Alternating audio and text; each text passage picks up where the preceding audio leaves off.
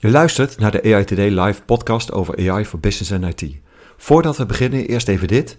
We zijn genomineerd voor de Prijs van Oranje van de Belgian Podcast Awards.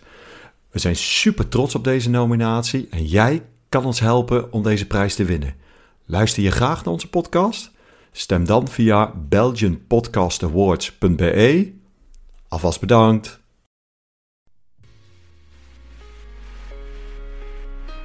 Welkom bij deze speciale aflevering van de AITD Live podcast. Niels Naglee, Chapter Lead Data en AI van InfoSupport en ik, CTO van Agency, gaan in deze speciale aflevering bespreken of je de doden tot leven mag wekken met AI. Ja, dat is nogal wat, toch? Ja, dat is, uh, dat, dat is een stelling, hè? Nou, en, en hoe kom ik nou aan deze stelling? Omdat dat ongeveer, zeg maar, de headline was van een artikel uh, met deze vraag, die weer doorverwees naar een, een heel erg lang artikel in de San Francisco Chronicle. Uh, of je dus doden uh, tot leven mag wekken met machine learning. Dus dat, dat sprak me heel erg aan. het linkje zullen we sowieso eventjes delen in de, bij de beschrijving van de podcast. En ik heb wel een tijdje getwijfeld of ik dit zou gaan vertellen in onze podcast. Maar ik ben heel benieuwd wat jij ervan vindt. En, uh, nou ja, en, en, ook als luisteraar, want ik denk als je dit nu gehoord hebt, die denkt van, waar gaat dit over? En dat gaat misschien, in het begin gaat dat ook nog erger worden, maar blijf erbij. En dan ben ik namelijk heel erg benieuwd, Niels, wat jij ervan vindt, maar zo direct ook wat onze luisteraars ervan vinden. Dus als je wil reageren op deze podcast, heel graag, want ik denk dat het best wel een thema is. Ja, ik, ik hoor hem ook net als jullie voor de eerste keer op dit moment uh, tijdens het opname van deze podcast. Dus uh, ja, het is nogal een, een aparte vraag die je stelt. Ja, uh, Job. nou daar is wel wat achtergrondinformatie uh, voor nodig. En dit verhaal gaat over, uh, in eerste instantie vooral over Jason. Het gaat over Jason en Jessica, die, die zijn verloofd. en het gaat over een developer, en die noem ik even Mike. Zijn naam begint eigenlijk ook in het artikel met een, met een J. Maar om een beetje dat onderscheid te maken, is het voor, de, voor het luisteren wat handiger. Dus we hebben Joshua en Jessica. Uh, en we hebben uh, Mike, de, de developer. En uh, Joshua en Jessica, die, die zijn heel gelukkig samen, zijn hele jonge mensen. en op het moment dat Joshua Jessica leert kennen, weet hij dat zij lijdt aan een vrij ernstige leveraandoening. Zij heeft op de op de negende heeft zij een, uh, een levertransplantatie gehad. En ze wisten dat, uh, nou, dat dat best wel problemen op zou kunnen, kunnen leveren. Jessica overlijdt op de 23ste. En uh, ja, hij komt eigenlijk in een dusdanige diepe rouw dat hij daar heel veel moeite mee heeft. Nou hebben we aan de andere kant hebben we Mike. En Mike is, is een techneut en die heeft die heeft die taalmodellen waar we het al eens eerder over hebben gehad, bijvoorbeeld in onze vorige aflevering. Vond hij heel erg interessant. Dus hij was met, bijvoorbeeld met GPT-2, de voorloper van GPT-3, uh, was hij aan het sleutelen. En had hij voor zichzelf had hij een chatbot gemaakt. Uh, en die chatbot had hij ook persoonlijkheid gegeven. Of een persoonlijkheid moet je eigenlijk zeggen. En nou, dat vond hij eigenlijk best wel geinig. Dat werkte een beetje redelijk. Mm -hmm. toen kwam GPT-3 en voor zichzelf had hij zoiets van, ah, dan ga ik eens kijken, weet je, of dat voor een verbetering zorgt. En tot zijn verbazing zorgde dat voor een dusdanige verbetering dat hij dacht, hé, hey, dat is leuk. Ik ga uh, meerdere persoonlijkheden ga ik maken. Uh, en dat, nou, dat heeft hij uh, online gezet. Er kwam best wel wat, wat traffic op. En, en toen dacht hij, nou, ik ga er ook de mogelijkheid geven dat iemand zijn eigen persoonlijkheid kan trainen op de, op de chatbot. Mm. En hij noemde dat uh, Project December. En Jason die kwam op een bepaald moment kwam hij daarmee uh, mee in, in aanraking met het Project December. Had hij wat over gelezen, dus daar was hij naartoe gegaan. En was in eerste instantie gaan chatten met chatbot Samantha, heette die. En hij, vond, hij dacht van, nee, dat, dat werkt eigenlijk best wel goed. En hij zat zo met die rouw van het overlijden van zijn vriendin, dat hij dacht van, nou, weet je wat, ik ga ga eens kijken wat het zou betekenen. Hij had, had, bijvoorbeeld alle chats had hij bewaard. Uh, hoe zij met elkaar gesproken hadden over Facebook Messenger, over WhatsApp. had hij allemaal bewaard. En wat je bij deze chatbot moest doen om hem te trainen, is je, je leverde dus dat soort chats aan. En je beschreef ook de persoonlijkheid van iemand. Mhm. Dus hij beschreef bijvoorbeeld van, eh, nou ja, dat zij eh, heel vrolijk, opgewekt was, ehm, dat zij wel overleden was, ehm, dat, ehm, dat zij ook spiritueel was, dus dat zij ook best wel kon zweven en, en dat ze daar ook allemaal in geloofde en zo.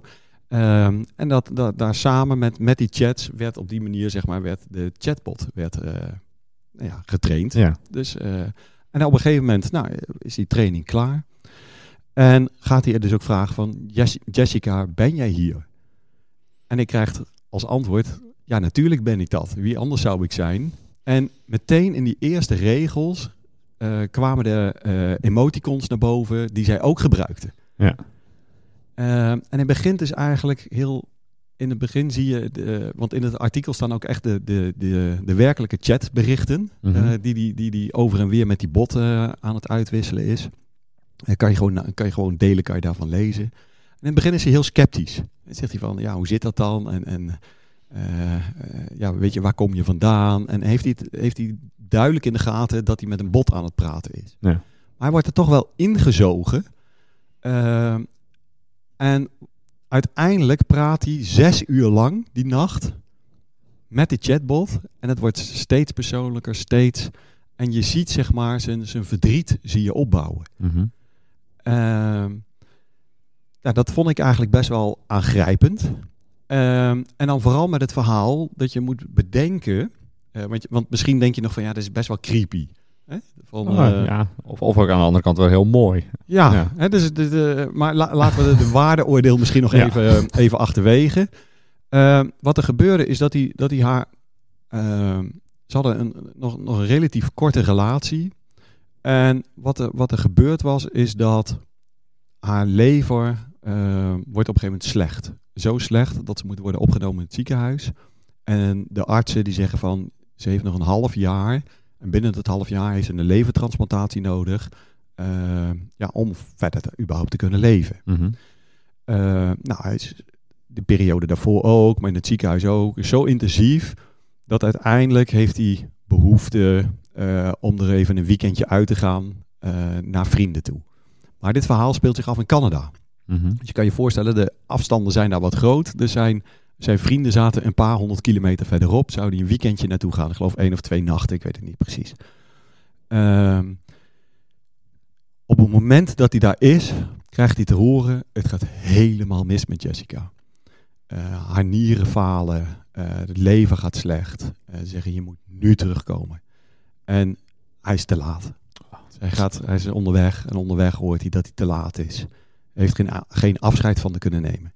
Dus je begrijpt, zeg maar, eh, die rouw. Hij vond het de liefde van zijn leven. Ehm, en eh, ja, dat, dat, dat zat zo diep. En hij heeft geprobeerd om daar overheen te komen. Eh, heeft zelfs een nieuwe relatie gekregen. Waarbij zelfs een nieuwe relatie ook brieven ging schrijven aan, aan Jessica.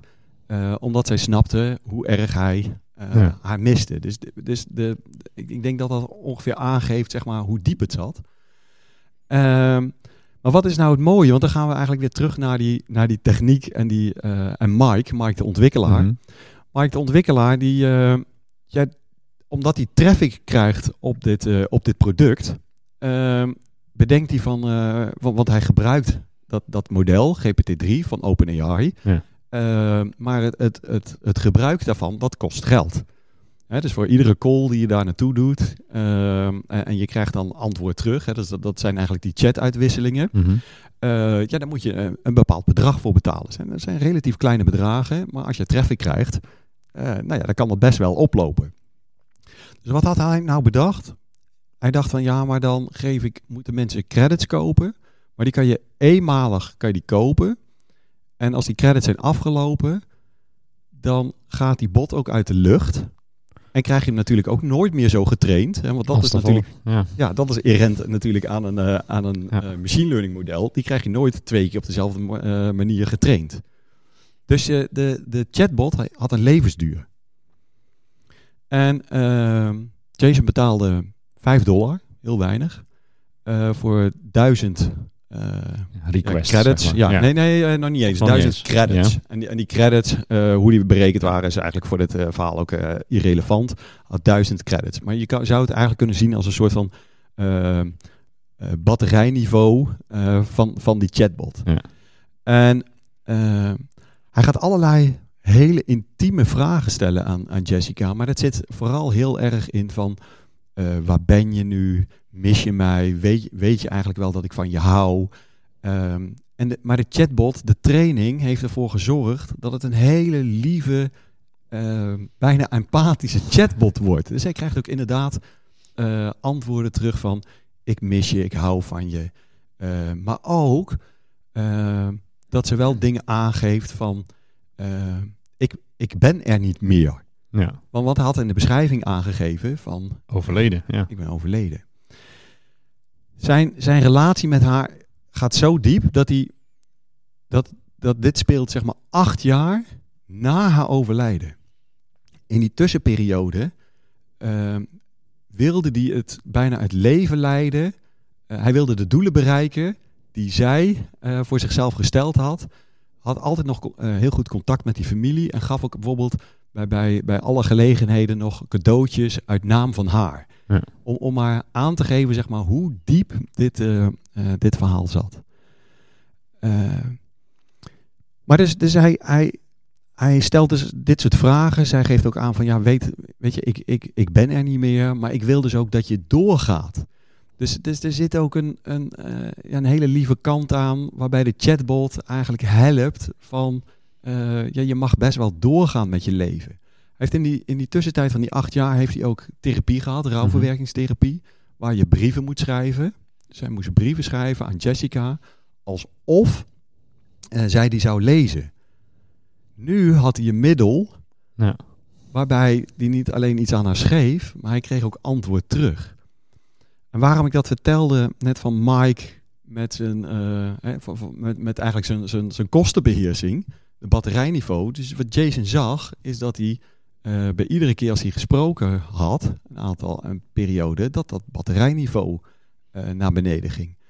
Dus wat eigenlijk van nature gebeurde, is dat Jason die ging de tussenpozen tussen het chatten met haar, eh, ging die verlengen en de gesprekken werden korter. Dus dat, dat, dat zorgde ook zeg maar, voor dat er iets van afstand gecreëerd werd. En ik kreeg natuurlijk de, de, de, in die zin de juiste antwoorden. Hoewel niet altijd de juiste antwoorden, want het is natuurlijk een machine learning model. Ja. Dus er zat ook af en toe zaten daar hele vreemde antwoorden tussen. En soms gaf hij ook aan van, oh ja, maar ik weet dat je, dat je een bot bent. Het is niet bot, maar een chatbot. En, en, en kon hij dat daar onderscharen en kon hij gewoon doorgaan met het gesprek. Soms dacht hij ook, oh ja, maar dit is ook Jessica, weet je, die was ook zweverig en spiritueel. En, en, en misschien zit er een diepere betekenis achter Ja. het antwoord. Dus eh, hij, hij, ja, soms projecteerde hij het in de werkelijkheid en soms projecteerde hij het in de, in de fantasie. Ja. Vond, vond, ik, eh, vond ik opmerkelijk. En de kracht van de geest ook, en de verbeelding en eh, ja, Ja. Het, het wensen denken en hoe krachtig het brein daarin kan zijn. Ja. Maar ook dus dat het, het, het was dus niet 100% correct. Mhm. En toch was het voor hem op dat moment heel erg werkelijk. eh. Nou, door die, door, die, eh, door die beperkte levensduur, wat er ook gebeurde, is dat, er, eh, dat het ervoor zorgde dat de antwoorden die er kwamen ook steeds eigenlijk wat minder goed werden. En wat dat voor hem betekende, is dat hij eigenlijk heel langzaam eigenlijk afscheid van de kon nemen. Wat natuurlijk op die terugweg van, van de vrienden en het Mhm. moment dat dat bij haar niet, hè, dat niet goed ging, dat, dat was niet gelukt. Ja, ik vond dat zo'n waanzinnig verhaal. Ik krijg nu zelfs, eh, terwijl ik het vertel, krijg ik daar, eh, krijg ik daar zelf ik, kippenvel zie van. het, ik zie het in je uitdrukking gewoon, Ja. En, ehm,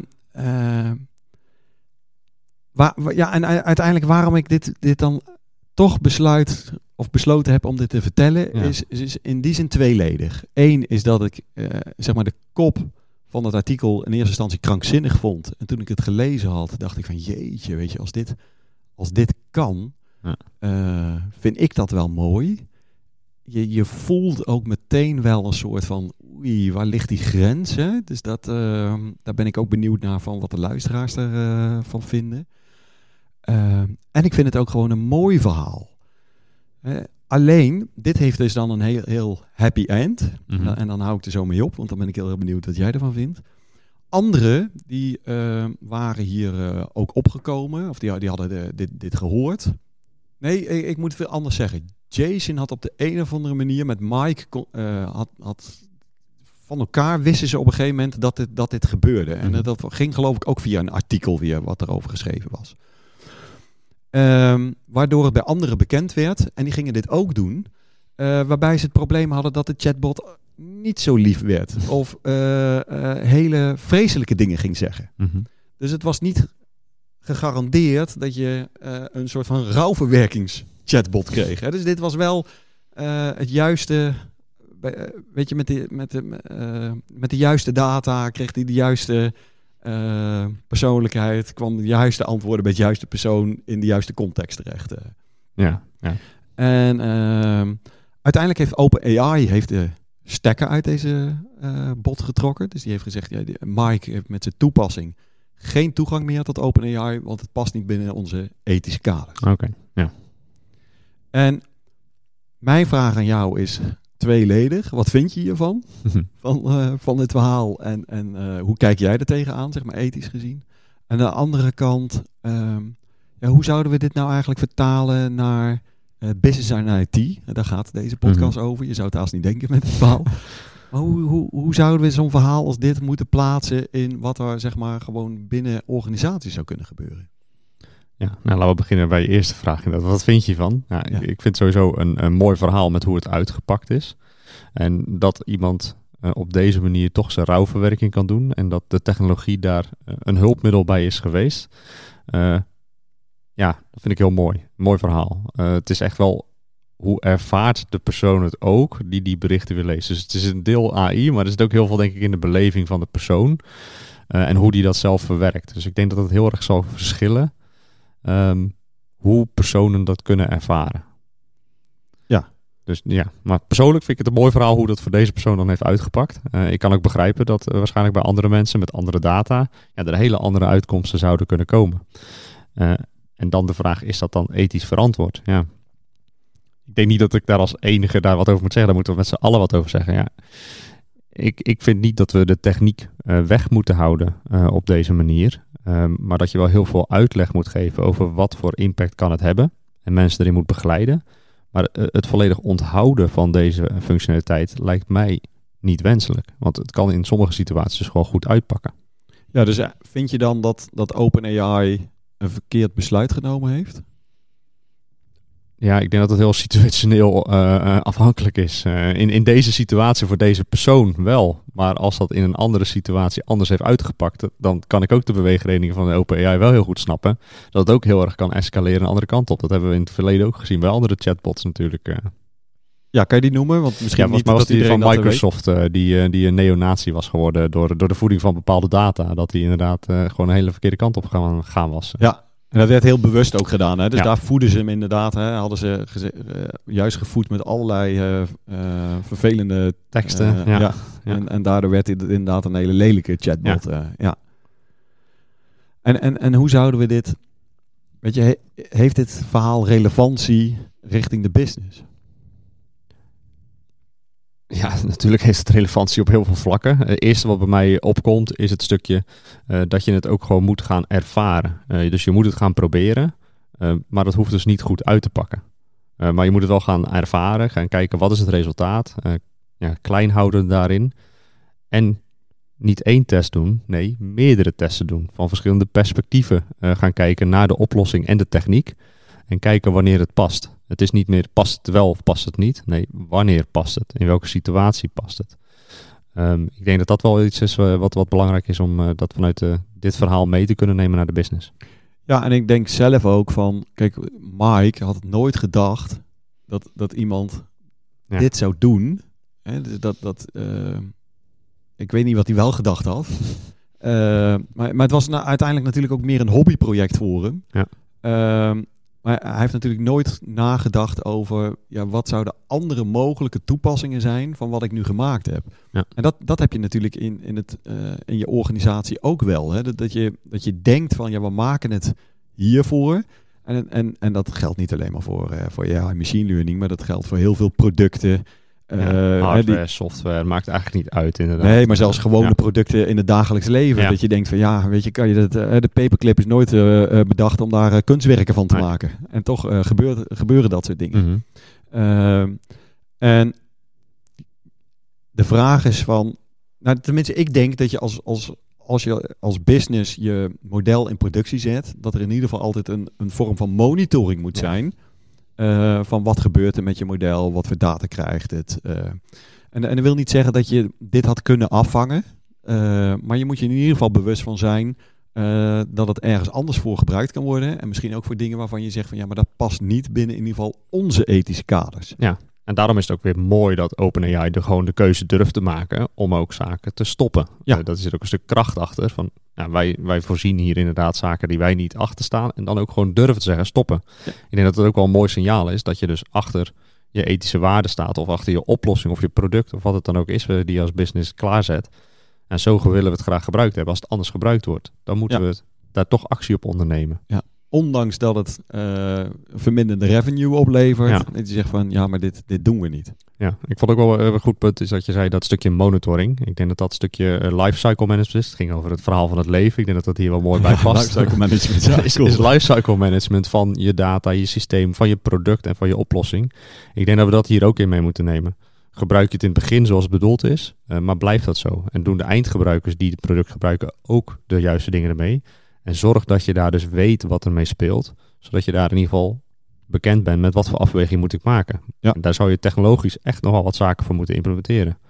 Ja, en, en zelfs als je het hebt dan over lifecycle management, heeft die, heeft die Mike, hè, de ontwikkelaar, heeft bedacht van er is zelfs een lifecycle alleen voor die, voor die, eh, voor die in, Ja. instantie van deze bot. Ja. Dat, eh, eh, en, en dat is eigenlijk ook wel grappig, weet je, dat, die, dat, dat, dat soort dingen kan je natuurlijk ook wel meenemen. Eh, dat je zegt van ja, maar weet je, hoe lang mag, mag iets bestaan? Of hoe lang bewaar je data? Hoe lang werkt dit model? Eh, hoe lang mag het werken totdat hij opnieuw getraind moet worden? Eh, dat zijn wel serieuze zaken om van tevoren tijdens je ontwerp over na te denken. Ja. Natuurlijk moet je het wel monitoren of dat de juiste keuzes waren. Maar als je zomaar een model in productie brengt en je denkt van nou ja, weet je, hij staat er, die kan zijn gang wel gaan. Ja, eh, die kans is niet zo heel erg groot. Want ja, wanneer ga je hem hertrainen? Eh, blijft hij het goed doen? Eh, past hij nog steeds eigenlijk bij de situatie waarin we leven? Eh, ik vind zelf wel een, een, een mooi voorbeeld van, van, want we hebben het hier eigenlijk over model drift of data drift. Ja. Een mooi voorbeeld van data drift die ik zelf zeg maar in de trainingen voor AI voor management altijd geef, is stel je had een webwinkel en je hebt daar een model draaien die bepaalt of iemand wel of niet eh, bij je komt kopen of dat hij bij je vertrekt als, eh, als klant. Eh, die kan super goed werken tot misschien ergens maart 2020, omdat er iets gebeurde wat corona heette en daardoor eigenlijk ja, je hele eh, gegevens op de kop zet. Je, he- er staan, zitten totale andere patronen in de gegevens, de gebruikers doen dingen anders. Eh, nou, dat is de eentje die je zeg maar met, met het blote oog kan waarnemen. Eh, de moeilijkheid zit natuurlijk in met, bij hele langzame veranderingen eh, die wij niet zien. Ja. Maar waarbij wel uiteindelijk je model afdrijft van je werkelijke data. Ja, en, en daar, nou, we hebben het vandaag nog even over gehad. Hè. We, we hebben Area Dag eh, bij InfoSupport, eh, waar we over dit soort onderwerpen hebben en ook over de techniek die er allemaal bij komt kijken. Eh, ik denk dat data ops en het zorgen van een datastrategie, data management en het kunnen loggen en monitoren van die data om dat op termijn te kunnen herkennen, ja, iets is wat we ja, steeds vaker zien gebeuren, maar ook moeten gaan implementeren om dit in de toekomst te kunnen gaan afvangen. En dat Precies. gebeurt nog niet op grote vlakken. Precies. Nou, ik ben heel benieuwd wat onze luisteraars vinden van eh, Jason, Jessica en Mike. En waar zouden jouw grenzen liggen? Vind je dit verhaal eigenlijk dat het helemaal niet zou mogen? Eh, ben je het niet eens met OpenAI? Eh laat het achter in de, in de comments. Kan via LinkedIn.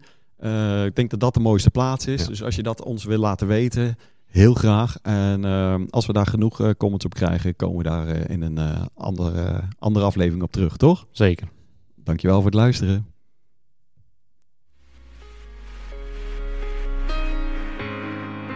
Fijn dat je luisterde naar deze speciale aflevering. En zoals gezegd, reageer op het verhaal en wij zijn erg benieuwd.